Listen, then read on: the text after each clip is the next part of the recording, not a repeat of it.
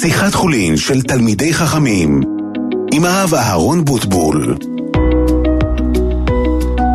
שלום רב לכל המאזינים, ערב טוב ומבורך. אנחנו שוב בתוכנית שיחת חולין, שאלות ותשובות, ענייני משפחה, ענייני חינוך, ענייני שלום בית, מצוקות, התמודדויות, שאלות בהשקפה, כל הסוג הזה של השאלות. כאן אני פה בסייעתא דשמיא, נקווה שאתן מזור ואתן תשובה קולעת, והקדוש ברוך הוא ינחה את דרכי לומר את התשובות המתאימות לכל אחד ואחד. מספר הטלפון שלכם לעלייה לשידור, 072 3355 921 072 3355 921 איתנו באולפן בבני ברק נמצא יורם יצחק וזנה על הטכניקה, מאיר הנאו על ההפקה, תודה על פעילותם הברוכה. גם היום צריך אה, לחכות שיתקשרו אליהם, יורם יצחק, עדיין? אני רוצה, כן, עדיין יש לנו את המגבלה הזו, שאתם מתקשרים וחוזרים עליכם מיד ומעלים אתכם לשידור. לכן זה לוקח קצת זמן להתאפק ולהתאזר בסבלנות. בימים הקרובים, אני חושב, כפי שאמר לי רפי רוחנה, העניין הזה יסתדר וכל מערכת הקווים תשתכלל ותשתדרג. יש לנו כבר מאזין אחד שאפשר להעלות? כן, עדיין לא. טוב, אז אני רוצה לפתוח בדברי תורה. קראנו בפרשה שעברה את העניין הזה של ים סוף. כמה זה נפלא, כמה זה מיוחד. כתוב, וישוב הים לאיתנו. חז"ל אומרים, מה זה לאיתנו? לתנאו הראשון. מלמד שהקדוש ברוך הוא קבע ביום בריאת העולם עם ים סוף, שהוא יקרא לבני ישראל בצאתם ממצרים. הפלא ופלא. כלומר, קריאת ים סוף הייתה דבר חריג מאוד. לא בדרך הטבע, דבר בלתי ניתן להבנה, עד כדי כך שהקדוש ברוך הוא יהיה צריך בזמן בריאת העולם לקבוע תנאי עם כל מעשה בראשית שתהיה קריאת ים סוף. הפלא ופלא, כולם מכירים את הסיפור שכתוב בתלמוד על רבי פנחס בן יאיר, שהלך לאסוף כסף עבור פדיון שבויים, והגיע לנהר קטן שקוראים לו גיני, והנהר לא הייתה לו מעבורת, והוא רצה לחצות את הנהר כדי לפדות שבויים. ואז הוא ביקש מהנהר שיחצה לו את האפשרות לעבור בו. והנהר התעקש, הוא אמר לו שהוא נגזר עליו ממעשה בראשית שהוא יזרום. אמר לו, גוזרני עליך. ומיד נבקע הים, נבקע הנהר. ולאחר מכן הוא שכח את השמה שלו מעבר הנהר השני, ושוב חזר הנהר ונבקע בשביל שמשו של רבי פנחס בן יאיר. אז שואל האור החיים הקדוש, אם כן, אם רואים אנחנו שרבי פנחס בן יאיר שלא היה קריעת ים סוף ולא היה משה רבנו, הצליח לבקוע את הנהר, אז מה הערבות הגדולה בקריעת ים סוף שהיה צריך הקדוש ברוך הוא לעשות תנאי? אומר רבי חיים בן עטר תשובה פשוטה מאוד. דע לך, שכאן היה לפני מתן תורה, כאן היה אחרי מתן תורה. רבי פנחס בן יאיר בא בכוח התורה. כוח התורה זה דבר ידוע. מי שיש לו את כוח התורה, יכול לשלוט על הטבע. רבי פנחס בן יאיר היה אחרי מתן תורה, אז יש לו כוח לשלוט על הטבע. קריאת ים סוף הייתה קודם מתן תורה. קודם מתן תורה אין שליטה על הטבע. פה היה צריך הקדוש ברוך הוא לעשות חוקים מיוחדים ותנאים מיוחדים, והיה שום חייב לאיתנו לתנאו הראשון. אבל היום, שיש לנו כוח התורה, כוח התורה גדול מאוד. מי לנו גדול ממה שאמרו חז"ל?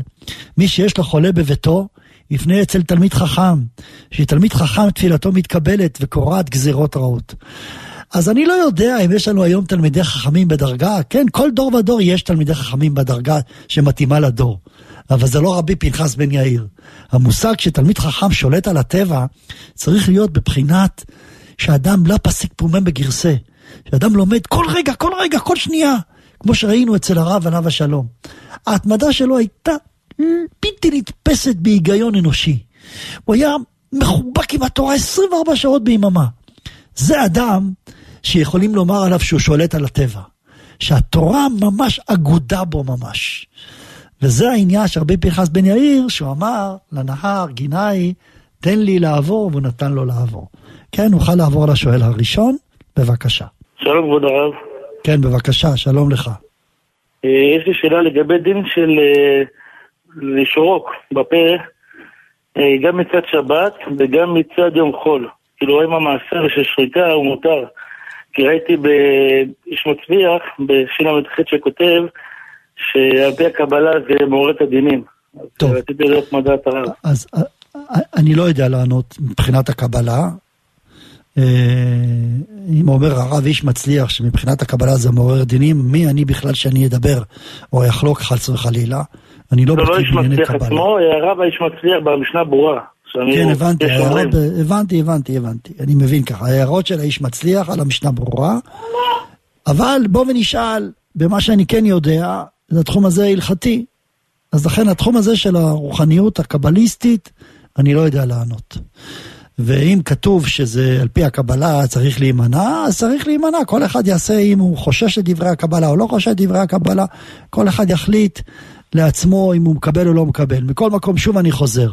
מבחינה הלכתית טהורה, אין בזה בעיה ביום חול. אבל לגבי שבת, יש בזה מחלוקת. כידוע, לגבי הוצאת קול, ערב, אם זה עושה בידיים, הדבר אסור בשבת. קול ערב, אני מדגיש. עכשיו, כשאדם שורק זה קול ערב. אבל לדעת הספרדים גם מותר לשרוק בשבת. למה? כי הוא לא עושה מעשה בידיים. יש הבדל בין שריקה בפה לבין שריקה בידיים. אם אדם שורק בידיים, דהיינו מכניס אצבעות לפה ושורק שריקה יפה, שיש לה צליל יפה, הדבר אסור. אבל אם אדם שורק בפה בלבד, בשפתיים בלבד, בלי אצבעות, הדבר מותר. לפי מנהג האשכנזים, אסור לשרוק בשבת, גם כאשר הוא שורק בפה בלבד. טוב, זאת התשובה. חזק ואמץ, תודה רבה, נעבור לשואל הבא. שלום רב. אז אני אגיד עוד איזושהי הלכה נוספת לגבי מה שהתחלתי להגיד מקודם. אה, יש עוד מחלוקת בין הספרדים לבין האשכנזים לגבי הוצאת קול בדבר שהוא לא צליל ערב. למשל, אם יש מכשיר שמשמיע קול מכוער, האם מותר להשמיע אותו בשבת או אסור להשמיע אותו בשבת? לפי הרמה אסור, לפי מרן מותר. למשל, אביא דוגמה, היו פעם בתים שבמקום להקיש על הדלת, היו נוקשים על כלי מיוחד, שהכלי הזה היה נוקש ומשמיע צלילים לא כל כך ערבים, סתם כל רעש, דפיקה כזו. וככה אנשים בבית היו יודעים שכדאי לפתוח את הדלת. לפי הרמה אסור להקיש במכשיר הזה בשבת, גזירה משום הוצאת כלי שיר. הוצאת קול אסורה בשבת. כלומר, גם צליל שהוא לא יפה, אסור להוציא אותו בשבת. זה לפי דעת האשכנזים. לפי דעת מרן השולחן ערוך, כל האיסור להוציא צלילים, זה רק צלילים ערבים לאוזן. כי זה גזירה עד כלי שיר. כלי שיר זה צליל ערב לאוזן. זה אסור. אבל צליל מכוער, סתם יש איזה משחק כזה שיש תוף, שדופק חזק בחוזקה, וזה רעש גדול מאוד, אבל עם, עם קפיץ. האם מותר להפעיל את זה בשבת או אסור? לפי הספרדים מותר, לפי האשכנזים אסור. מובייל מנגן, שזה גם עם קפיץ, לכולי עלמא אסור להפעיל אותו בשבת. למה? כי זה צלילים ערבים. כן, בבקשה, יש לנו שואל? שלום בבקשה. הרב. כן. כן. רציתי לדעת אם אה, מותר לשחק בשעון חול בשבת, שכאילו זה משחק שמודדים זמן עם שעון חול. טוב, אז אמרתי שמותר לשחק בשעון חול בשבת, דיברתי על זה בתוכנית שלי בערב שבת. אמרתי, מותר לשחק בתוך, ב, במשחק שיש לו שעון חול. שעון חול זה לא נקרא מדידה שאסורה בשבת. מדידה שאסורה בשבת זה מדידה של משקל, נפח ושטח. אם מודדים שטח הדבר אסור, מודדים משקל הדבר אסור, מודדים נפח הדבר אסור. אבל מדידה של זמן עם מכשיר שמודד לפי שעון חול, מותר בשבת. כי זה לא מוגדר כמו המדידות הללו, זה משהו רוחני, משהו, משהו שקשה לי- לכמת אותו, אני קורא לזה. ולכן, בכזה מקרה, על זה לא גזרו משום מדידה. טעם שמדידה אסורה, זה בגלל שמא יבוא לכתוב, או בגלל משא ומתן וכדומה. מדידה של זמן לא נכללת בקטגוריה הזו. לכן הדבר מותר. טוב, בבקשה. כן, יש לנו שואל נוסף? שלום כבוד הרב, ערב טוב. שלום, ערב טוב, בבקשה. אה, יש לי שאלה, זה אולי יישמע לא כל כך בעיה, אבל בשבילי זה משהו שהוא מאוד מפריע לי. הבן שלי, אני, אני אתחיל בזה ככה, אני לא אוכל דגים. אז שאני זוכר את עצמי, אני פשוט לא אוהב את הטעם שלהם. לא, לא נוגע בדגים. עכשיו, איכשהו הילד שלי זה גם לא, לא אוכל דגים, כנראה שזה בגללי. שאר בני הבית אוכלים, גם אשתי, גם הבת שלי אוהבים דגים. אה, גם, הוא לא אוהב דגים, אבל מעבר לזה שהוא לא אוהב דגים, הוא לא מוכן לשבת לשולחן שבת, שיש דג על השולחן, הוא לקח את זה כמה צעדים קדימה. הריח מאוד מפריע לו, אני, אני מבין אותו כי גם לי זה מפריע, אבל אני למדתי לחיות עם זה כשאנחנו מתארחים אצל אבא שלי נגיד.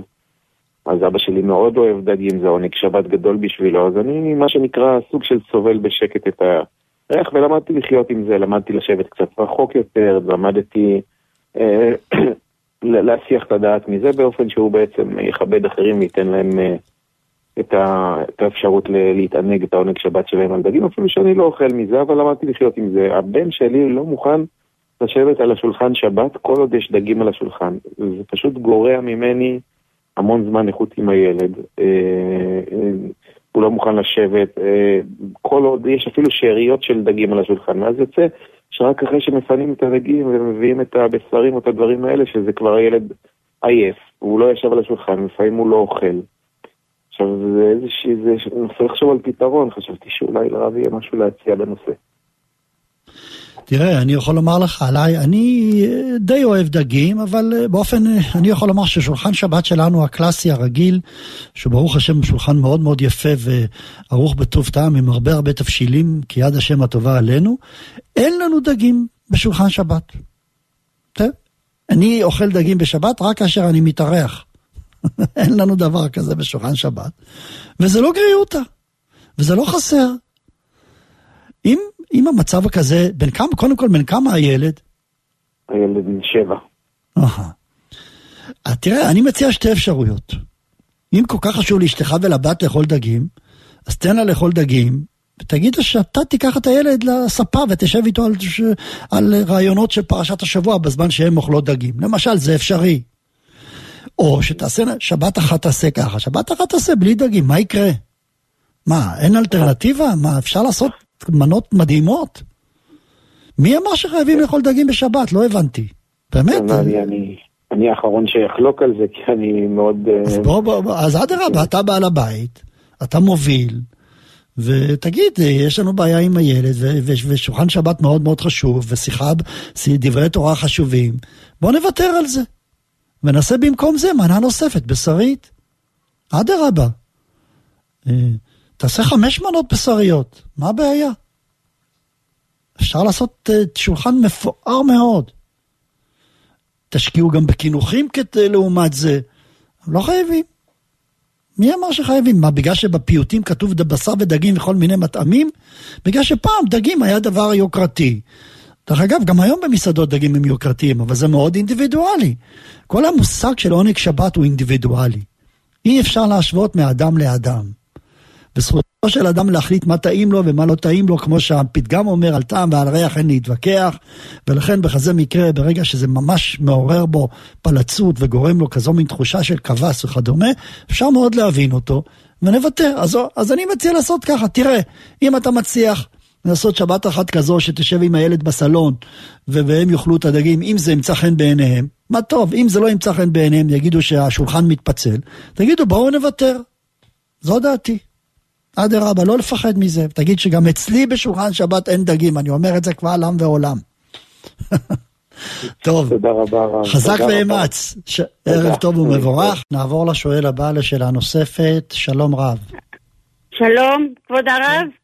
כן, בבקשה. Uh, יש לי שאלה בבקשה. אישה שמתפללת בשבת, יכולה לשתות ולאכול איזה עוגייה לפני שהולכת להתפלל בבית הכנסת? Uh, התשובה היא כן. אישה שנוהגת להתפלל באופן קבוע מדי שבת, מותר לה לאכול כן. ולשתות לפני התפילה בלי קידוש. כן, אה, בדיוק. ו- ואני יודעת, אחרי, אחרי התפילה אני עושה את הקידוש. אני התקשרתי בתור רעה, אחד אומר לי לא, אסור, ואחד אומר לי כן, אז החלטתי, אמרתי, אני עכשיו, אני לא יוצאת מ... בסדר גמור. אני רוצה לשמוע ממך. ואני זוכרת שהייתה שאלה כזאת לפני כמה זמן, ואתה אמרת שמותר. ואישה שלא מתפללת, היא חייבת לעשות בקידוש. נכון, אה, בדיוק. ואחר כך לאכול, נכון. כן, כן טוב, אז... תודה רבה. טוב, תודה, תודה רבה, כבוד הרב. תזכה למצוות, לילה טוב, שלום שלום. כן, נעבור לשואל הבא, שלום רב. אה, שלום, כבוד הרב.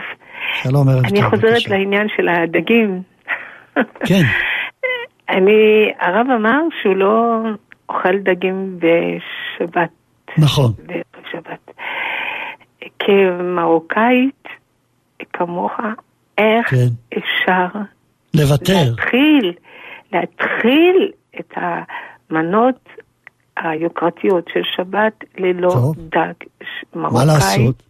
ששבת, הרי זה מנהג אה, מדורי דורות, זה מנהג, עוד לא טרחתי באיזה בית מרוקאי בשבת שלא היה בו דג מרוקאי מעוצב יפה, אה, עם מראה מרהיב וטעם ש... אדיר. טוב, הכל יפה וטוב, אבל מה לעשות שזה עניין אישי, ולא בגלל מנהגים, אדם עושה דברים, נכון? אדם עושה דברים לפי מה שטוב לו, מה שטוב, מה שטוב לו, ואני כבר אמרתי קודם שהמושג לענג את השבת זה עניין מאוד מאוד אינדיבידואלי. אבל זה מנהג מהבית, אז מה? מהסבא וסבא וסבא מה? וסבא, אבל זה לא כתוב רבא. בתורה, אבל זה לא כתוב בתורה, זה לא השם אמר למה? כתוב אה, להתענג בבשר ודגים. זה פיוט, זה פיוט, זה פיוט. מפיוטים לא פוסקים הלכות. אני מקווה שאת לא מתכוונת להגיד, חשבתי שאת מתכוונת להגיד שזה טעים. אז אם את אומרת שזה טעים, אני לא אה, מתווכח. ברור, זה- מעבר לזה שזה כל כך אם את מתכוונת יפה, להגיד, רגע, רגע, רגע, בסדר, בסדר, רגע, רגע, רגע. רגע, רגע, רגע, רגע. רגע, אם את מתכוונת, שנייה. אם להגיד. מתכוונת להגיד שזה טעים, אני מסכים, טעים, זה עניין של טעם. רגע. רגע, בואי נ- אי אפשר לנהל ככה שיחה. אבל אם את אומרת שזה כתוב בהלכה, אין שום הלכה כזאת. חד וחלק, אין שום הלכה. ואת מביאה לי פיוטים, ומפיוטים את פוסקת הלכות, זה ממש מוזר. נכון? אז לא הלכה, אז פיוט. אבל, או. אבל זה, זה מנהג מ- מסבא, אז מאבא, מה? סבא, אז רבא. מה? אבל ש- איזה, שזה מה זה קשור? מנהגים? אני לא מבין, באמת, אני רוצה לשאול. במרוקו לבשו ז'לביה עם בבושים. אז אני אלבש ז'לביה ובבושים, מה את חושבת? אני בארץ, למה לא יש כאלה... אבל זה לא קשור, אבל אין לזה שום? קשר. אבל אין לזה שום קשר.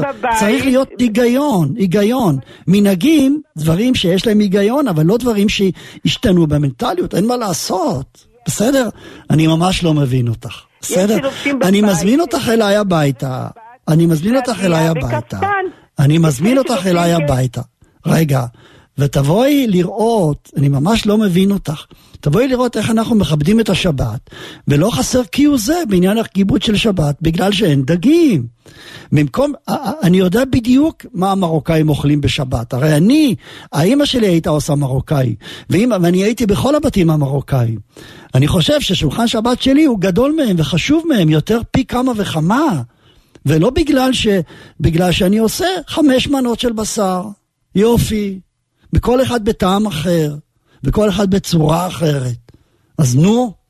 ואם אני אוכל לזניה חלבית בליל שבת, את חושבת שזה גורע כהוא זה בכבוד שבת? ודאי שלא. בגלל שאני חושב שכבוד שבת זה לעני את מה שאני אוהב, ולא מה שסבא שלי אהב. ואם אני אוהב את זה, אז אני אעשה את זה.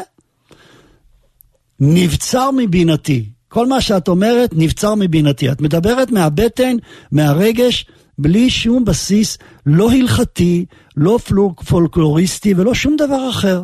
בסדר? תודה רבה. נעבור לשואל הבא. כן, ערב טוב.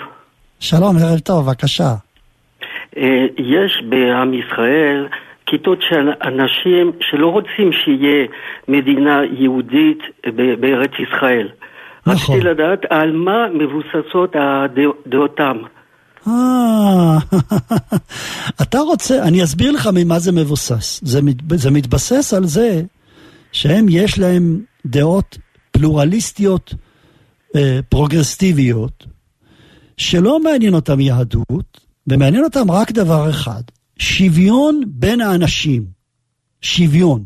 יש אה, אה, אה, דעה פלורליסטית מסוימת, ליברלית יותר מדי, שהיא טוענת שאסור לעשות אפליה בין אנשים. עכשיו, היהדות עושה אפליה בין אנשים.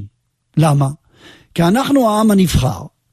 אנחנו יהודים, ואנחנו אומרים, אתה בחרתנו מכל העמים, רצית בנו, נכון? ורוממתנו מכל הלשונות. אנחנו לא גויים, אנחנו הרבה יותר חשובים מהגויים. כלומר, היהדות היא בעצם גזענית. אין מה לעשות. כי אני חושב שהקדוש ברוך הוא נתן לי תורה, אז אני יותר חשוב מגוי. לא יעזור כלום. אבל מגיע אדם שיש לו דעות פלורליסטיות אה, פרוגרסיביות, ואומר, אין דבר כזה שאתה יותר חשוב מגוי. אתה כמו הגוי. אין דבר כזה לעשות מדינה שמתאימה רק ליהודים. אם אתה עושה מדינה שהיא מתאימה רק ליהודים, אז אתה גזען, ואסור להיות גזען. אבל זה נגד התורה. זה פשוט נגד התורה. התורה אמרה לנו לכלות ולהשמיד שבעה עממים. התורה אמרה לנו לכלות ולהשמיד את זרע עמלק. והתורה אמרה לנו שלא לערבב את הגויים בינינו בארץ ישראל. ככה התורה אמרה. והתורה אמרה לנו שאנחנו נבחרנו על ידי הקדוש ברוך הוא ואנחנו מובחרים מכל העמים. אז אין מה לעשות. כל הזמן שאדם אין לו יהדות, אז הוא מקבל ראש עקום, והראש העקום הזה מוביל אותו לעשות כל מיני הפגנות מטופשות, חסרות טעם, חסרות היגיון, והוא הופך את בית המשפט לדיקטטורה ששולטת על, על העם הבוחר. וזהו, זה מה שאני יכול לומר, אין לי מה להגיד. ואתה שואל אותי אם יש בזה היגיון? בוודאי שאין בזה היגיון. אבל ממה זה נובע? זה נובע מהגישה הזאת. בסדר גמור. חסידים ש, שלא רוצים, גם ח, כיתות של חסידים שלא רוצים שיהיה, יש אסמכתה מה... מהספרי קודש או משהו? אין שום אסמכתה. אני, אני, אני לא רוצה להגיד שמות, אבל יש חסידים שגם הם, הם נגד ש... נגד מה? נגד ש, שיהיה מדינה ישראל. אה, אתה, אתה, מתכוון, אתה מתכוון חסידות סאטמר. אתה מתכוון חסידות סאטמר, נכון? לא רציתי להגיד שמות. אז התשובה היא ככה, טוב, אה, חסידות סאטמר היא קיצונית מאוד, אה, היא, היא אומרת מה שהיא אומרת, כל גדולי הדור, כל גדולי הדור, ללא יוצא מן הכלל, יצאו נגדם. חד וחלק. נכון? אתה יכול לראות בעליל שכל הרבנים, גם באמריקה, גם בארץ, יצאו נגדם. הם מאוד מאוד אה, ב, ב, בשיטה נבדלת מכולם. אם אתה שואל אותי אם יש להם אסמכתה, אין שום אסמכתה, אני לא מבין אותם, זה חסר היגיון לחלוטין, אבל אני לא מבין, אתה הגעת מהפרוגרסיביים, הגעת לסאטמר, זה שני עניינים שונים לגמרי. כן. הסאטמר יש להם טענה על הציונות, כי פעם, אני אסביר לך ממה זה נבע. כש, לפני מאה שנה, בארצות אשכנז, הייתה תנועה חילונית, שהיא הייתה השכלה. והתנועה החילונית הזו, היא דגלה בציונות לעלות לארץ ישראל. והרבנים מאוד פחדו מזה. למה? כי מה שהם פחדו שאם יש נוער שנהיה ציוני, אז באופן אוטומטי הוא הופך להיות חילוני. אז לכן הם היו נגד. אצל הספרדים זה לא היה בכלל, תשים לב. אצל הספרדים לא היה דבר כזה שציונות היה חילוניות. בכלל, בארצות ערב, עד לפני מאה שנה לא היה דבר כזה חילוני. לא היה. בארצות אשכנז היה חילוני, הייתה השכלה, הייתה מלחמת חורמה בין הזרמים ביהדות. אצל הספרדים לא הייתה כזו מלחמה. זה התחיל עם אליאנס שהתחיל לפני 80 שנה, 90 שנה התחיל אליאנס בארצות ערב, כמו מרוקו, צפון אפריקה וגם מזרח, באסיה, בעיראק, מצרים וחלב. זה התחיל, ואז התחילה המודרניזציה הזו לחלחל ונהיה חילוניות. אבל לפני כן זה לא היה. עכשיו, אז לכן אתה יכול לראות כמה רבנים בזרמים החרדים שיצאו נגד הציונות בגלל שהם פחדו שיש בזה עניין של חילוניות. זה מה שהם פחדו. היום אנחנו יכולים לומר שזה לא בהכרח הולך יחד, אדרבה. אני חושב שהגאון רב חיים קניאבסקי היה ציוני יותר מכולם. הוא היה צועק על בחורים אמריקאים שנשארים בארצות הברית. הוא היה מחייב אותם לבוא לארץ. אני יכול לראות שהציבור החרדי אוהב את ארץ ישראל ומקיים את מצוות יישוב ארץ ישראל לא פחות מכולם, אולי יותר מכולם. אני מכיר כמה אנשים חרדים שיש להם הזדמנות גדולה מאוד לצאת לחוץ לארץ לטיול, והם לא נוסעים לטיול. למה? בגלל אהבת ארץ ישראל. הווה אומר שאצל הציבור החרדי רואים היום ציונות אמיתית. מה זה ציונות אמיתית? אהבת ארץ ישראל והמצווה החשובה לגור בארץ. כי, כי כמו שחז"ל אמרו, הדר בחוץ לארץ כמי שאין לו אלוה. עכשיו, אז לכן אני מבקש, הזרם הזה של זרם חסידות סאטמר, שהוא נגד העלייה לארץ ונגד יישוב בארץ ונגד הציונות, הוא דבר מאוד מאוד מאוד מאוד קיצוני, ו, ואפשר לומר שהוא בודד, ממש בודד, כמעט כל גדולי הדור והרבנים והתלמידי חכמים, כולם נגדם. וזה זרם מאוד מאוד בודד. נכון, יש להם מאה אלף חסידים, בעיקר בארצות הברית ובלונדון ובקנדה ועוד, אבל הם לא עולים לארץ. אני לא נכנס להסביר אותם. אני לא נכנס להסביר, זה לא מעניין אותי. אני חושב שהזרם שלנו הוא זרם אמיתי, קל, מובן, הגיוני מאוד. בסדר? תודה רבה. אבל אה, אה, אפשר לתת להם אה, כסף של הצדקה או לא? כן, בוודאי. התשובה היא כן. אני אגיד לך למה. הם עושים הרבה דברים חשובים. אה, יש להם את הנקודה הזו של המחלוקת בינינו לבינם בתחום הזה של מדינת ישראל. אבל אני מוכרח לומר ש, שיש הרבה תורה בחסידות סאטמר. יש הרבה חסד שאי אפשר לתאר. למשל, אביא לך דוגמה. יש המון אנשים שנאלצים לצאת לחוץ לארץ לעשות ניתוחים בגלל בעיות רפואיות. יש ארגוני חסד בסאטמר, בניו יורק, בפלטבוש ועוד, שמאחסנות את המשפחות ממש, ממש נותנים להם דירה, נותנים להם כסף, מחזיקים אותם, נותנים להם מזון במשך כמה חודשים עד שהחולה שלהם יתרפא. מסירות נפש אדירה יש להם לחסידות סאטמר בתחום הזה של חסד, בתחום הזה של הרבצת תורה, אי אפשר לקחת את זה מהם. יש נקודה אחת, נקודה אחת, שיש בינינו מחלוקת, אבל זה נקודה אחת. נעזוב את זה, בוא ותראה כמה חסדים הם עושים, כמה הם חושבים על הזולת. אני רוצה לומר יותר מזה. אה, כשהם עושים את החסד ונותנים ליהודים עזרה, הם לא שואלים אם אתה חסיד סאטמר, או שאתה גר בארץ ישראל ואתה ציוני או לא. גם אם יעבוד ציוני אמיתי, הם ייתנו לו את כל החסד, מה שהם נותנים לכל יהודי אחר. הם לא ישאלו את השאלה הזו, כי הם נותנים באמת. לכן פשוט וברור שאם הם עושים צדקה, מצווה גדולה לתמוך ולתת להם, כי המעשים שלהם הם מעשים גדולים, נשגבים מאוד, ו, וממש ענקיים. אני שמעתי אנשים שנעזרו בחסידות סאטמר בארצות הברית, שזה פשוט אי אפשר לתאר כמה מעשי חסד הם עושים. טוב, תודה רבה לך. תודה. חזק תודה, ואמץ. ערב טוב. כן, יש לנו מאזין. כן, יש לנו מאזין, בבקשה. לתת להגות בהלכות יום וליל, רגע, רגע. רגע, רגע, לא שמענו אותך, תתחילי בתחילה. אוקיי. אני אומרת שאני מאוד מאוד אוהבת הלכות ומכבדת את כל השואלים ואת כולם, אבל יושב לי ככה על הלב לומר למאזינים שבאמת השעה הזאת מוקדשת לנו פעם בשבוע לשאלות יותר השקפתיות, והרבה פעמים המאזינים אה, שואלים שאלות של הלכות, אז אם הם יכולים לקחת לתשומת ליבם להשאיר את השאלות ליום שישי, מה שקשור להלכה, ולהשאיר את התוכנית הזאת להשקפה. נכון. אה, זה היה חשוב לי להגיד. עכשיו השאלה שרציתי לשאול, כבוד הרב, היא קשורה לנושא של אה, שידוכים. אני רציתי לשאול, אה, היום אה, ידוע שהרבה אנשים שמתעסקים בשידוכים אה, מוכנים, במידה ויש להם תמונה של הבחור בעיקר, לשלוח כדי לראות סגנון, לראות אם מתאים. הרבה פעמים אנחנו אה, מקבלים למשל הצעות שהן נשמעות הצעות מאוד טובות, הבחור נשמע בחור נורא טוב, אבל אה, ממבט אה, פשוט בתמונה אפשר להבין שזה פשוט לא הסגנון, לא הסגנון. עכשיו השאלה היא, היא האם כדאי לוותר על משהו מראש למרות ששומעים שיש מידות טובות, או שזה חלילה נקרא שזה דוחה חס ושלום מזלו בידיים וצריך לנסות ואולי אחר כך כן יתפתח משהו? מה כבוד הרב ממליץ לעשות בנושא של שידוכים? אני, אני לא חושב ש, שזה נקרא דוחה מזלו בידיים. אם הבת ראתה את התמונה וזה לא מוצא חן בעיניה, אני חושב שזה גם כן אות מן השמיים שזה לא בשבילה. הרי בעצם אם נשים לב, אם נשים לב, נתבונן מאוד ונראה שכל הנושא הזה של שידוכים הוא ממש ממש כולו ביד השם. אה, כיוון שאם אדם יראה הוא ישאל את עצמו, איך אני מצליח להחליט? או אם הבת תשאל את עצמה, איך אני מצליחה להחליט? כשאני מתלבטת על שמלה, אני מתלבטת יומיים שלושה, וגם אחרי שאני קונאת עדיין מלאה התלבטויות וספקות.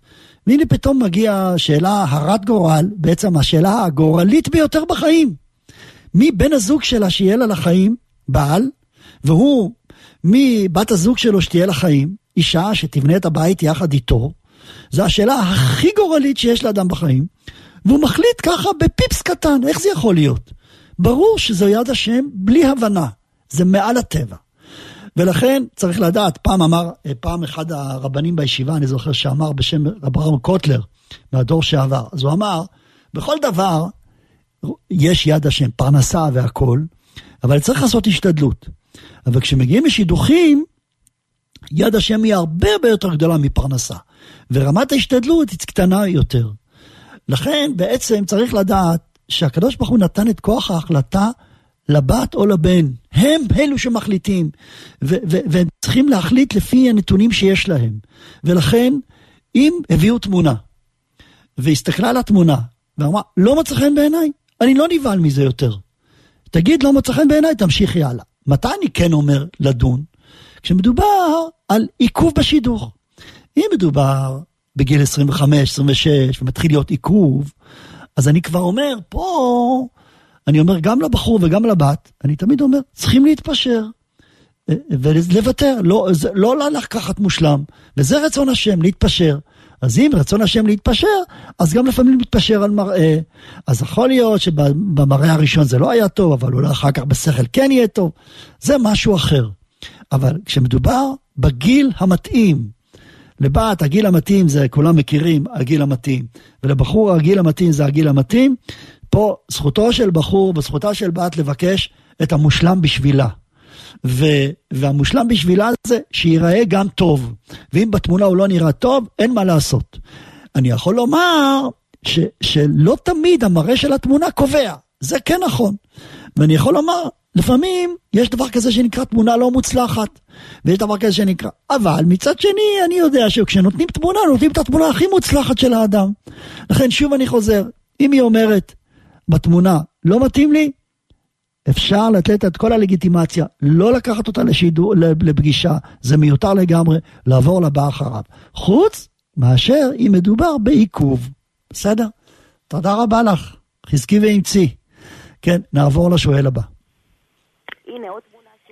שלום. הלו? כן, שלום, בבקשה.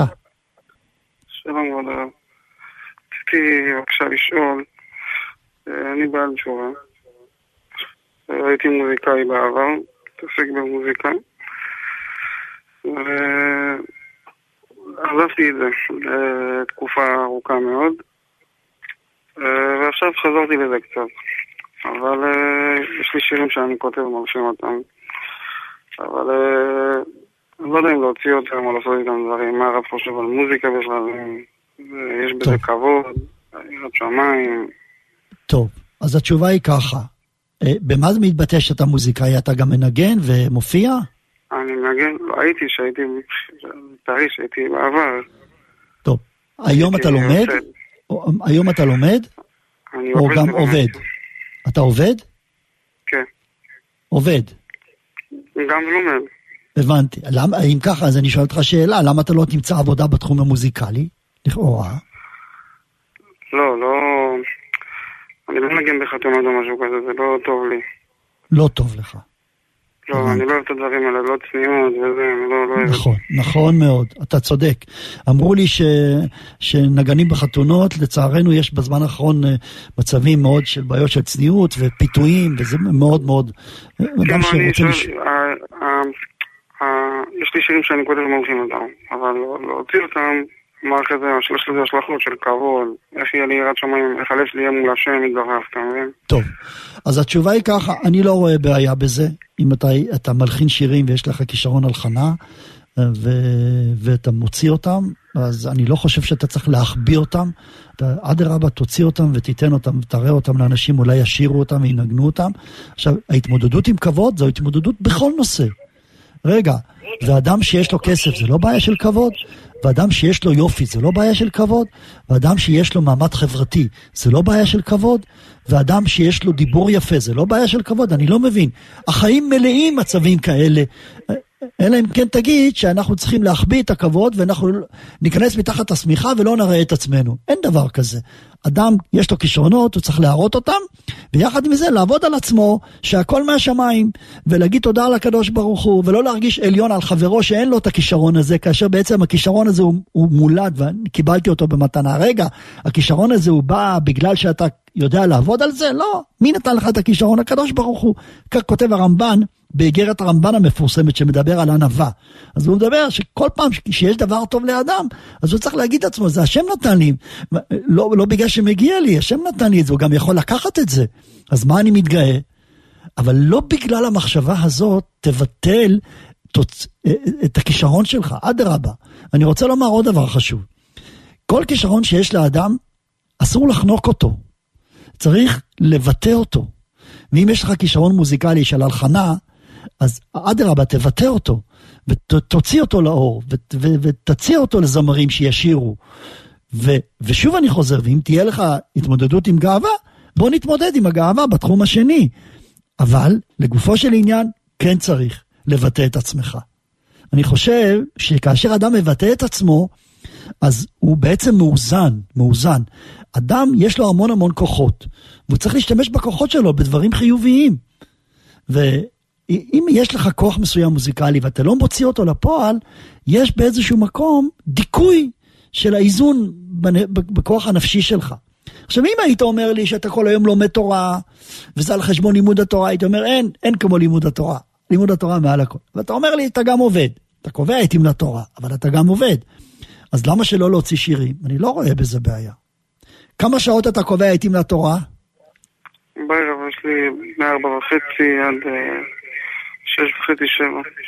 יפה, עם חברותה? אה, לא תמיד אני צריך להגיע לחברותא, לפעמים אני עבודה, יש לי יותר מדי עבודה, אבל... טוב, בסדר. אז אני חושב שאני לא מוטרד. אני חושב שאדרבה תוציא את זה, והשם יראה לך הצלחה בזה, ויחד עם זה כל הזמן תאמר לעצמך, זה מתנת אלוקים, מתנה, הקדוש ברוך הוא כמו שהוא נותן, הוא יכול לקחת, אין מה להתגאות. חזק ואמץ. תודה רבה. תודה רבה. ערב טוב. אז אין לנו מאזין, אז אני אומר, אני אומר עוד איזושהי נקודה שקשורה לפרשה הזאת, בזה אנחנו נסיים. פרשה שלנו עוסקת במתן תורה. משה קיבל תורה מסיני ומסרה ליהושע ויהושע לזקנים וזקנים לנביאים. יש לנו ש... שרשרת של העברת התורה ממשה רבנו, ומשה רבנו קיבל מהקדוש ברוך הוא. הרמב"ם, ב... בהקדמה לספר היד החזקה, אם אתם שמים לב, הרמב"ם היה הראשון מבין הראשונים שלקח את התורה, את התלמוד, והפך אותו למשהו פרקטי מעשי. התלמוד הוא גם כן פרקטי, אבל הוא מאוד לא ברור. כי יש פה המון המון שיטות, המון מגוון של דעות, אבל אין לנו משהו הכרעה. מעטים מאוד, מעטות מאוד הסוגיות שיש בהן הכרעה. אבל יש כללי פסיקה. הרמב"ם לקח את התלמוד והפך אותו להיות הכרעה הלכה למעשה. זה היה, אפשר לומר, הראשון. לפניו היה הריף, אבל לא בצורה הזו שהרמב"ם עשה. הרמב"ם לקח את כל התורה כולה, כל התלמוד, שזה כולל אה, טומאה אה, וטהרה, טהרות, נזיקין, אה, קדשים, אה, בית המקדש, ממש ממש, כל הסוגים. ולקח מזה ועשה מזה הלכות מסודרות, וזה נקרא היד החזקה. ובהקדמה ליד החזקה, אז הוא כותב את סדר השתלשלות התורה עד חתימת התלמוד. חתימת התלמוד נעשתה על ידי רבינה ורבשי. והם בעצם גמרו את סדרת האמוראים. לאחריהם כבר אין לנו אמוראים, יש לנו סבוראים, ולאחר מכן יש לנו את הגאונים. והרמב"ם מונה 40 דורות ממשה רבנו ועד רבינה ורבשי. מאוד מאוד מומלץ לכל אדם לעיין בהקדמה של הרמב"ם ליד החזקה, היא הקדמה מאוד מאוד חשובה. בעצם נותנת לנו, שופכת אור מאוד מאוד יפה וזרקור מאוד ברור על העברת התורה והמשכת התורה לדורות. וכותב הרמב"ם, הקדוש ברוך הוא העביר את התורה למשה רבנו, ומשה רבנו ליהושע, ויהושע לזקנים, זקנים לנביאים, אנשי כנסת הגדולה. אחר כך יש לנו את אנשי כנסת הגדולה, הוא מתאר שם כמה וכמה דורות. לאחר מכן התנאים הקדושים, לאחר מכן האמוראים, ולאחר מכן, אחרון אחרון, רבינה ורבשי, נמצאו 40 דורות ממשה רבנו ועד חתימת התלמוד. ונמצאו כולם מפי הגבורה. אומר לנו הרמב"ם שכל לומדי התורה למדו מהקדוש ברוך הוא. אני שואל, זה לא נכון. יהושע לא למד מהקדוש ברוך הוא, יהושע למד ממשה רבנו. הזקנים לא למדו מהקדוש ברוך הוא, הזקנים למדו מיהושע. אה, וכולי וכולי. אנחנו לומדים מרבותינו, כל אחד עם הרב שלו. אבל לא מהקדוש ברוך הוא. מה אם כן אומר הרמב"ם, נמצאו כולם מפי הגבורה? מסביר הגאון רב חיים שמואלביץ, הסבר מאוד מאוד יפה. והוא אומר, טוב, אנחנו נאלצים להפסיק פה, תוכניתנו פה הגיעה לסיומה, אני נאלץ להפסיק, תודה רבה לכם על ההאזנה, תודה רבה לכם על ההקשבה, אני מאוד מאוד מקווה שבתוכנית הבאה כבר כל מערכת הטלפונים תהיה מסודרת, ממש בלתי אפשרי ככה לעשות אה, שידורים. אני מודה לכם על ההאזנה, מודה למפיק, לטכנאי, חזקו ואימצו, לילה טוב. רדיו קול ברמה מכל מקום ובכל זמן, גם בטלפון. 03 30 80 800